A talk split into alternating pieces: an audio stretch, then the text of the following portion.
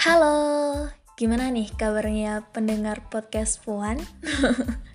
Sorry banget ya, kemarin tuh podcast Puan sempat gak update. So sekarang aku lagi pengen ngobrol santai ngomongin cinta. Paling demen gak sih kita tuh ngomongin cinta? Ya, yeah, because love is beautiful. By the way, ada yang request uh, salah satu pendengar podcast Puan nih, ada yang request ngomongin relationship. Jadi ceritanya tuh ada cewek yang dirasa lebih unggul dari cowoknya.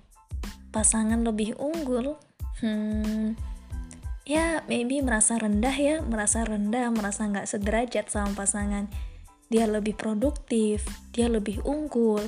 Kan rasanya kayak insecure, merasa tak pantas bersanding, atau atau merasa malu di pandang society, dan berakhir membatasi aktivitas pasangan dengan dalih agar sebanding. Rem dulu dong, setidaknya biar kita dalam garis yang sama, gitu katanya. Ah, uh, kenapa ya? Kalau kita nurutin apa maunya society, nggak akan selesai-selesai. Justru malah membuat kita jadi bukan kita. I mean, how you are is who you are. Everyone has their personality. Gak bisa kan hidup kita serba nurutin apa maunya society?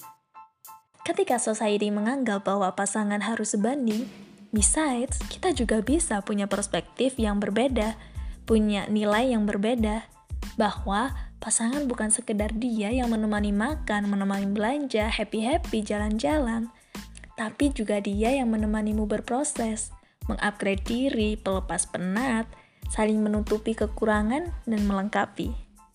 That's the point. Saling menutupi dan melengkapi.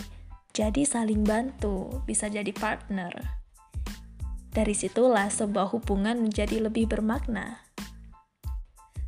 Dia yang lebih unggul menjadi pelujur semangatmu untuk jadi lebih baik, saling mengisi bukan saling menjatuhkan, membuat kita berkembang bukan malah menutup potensi.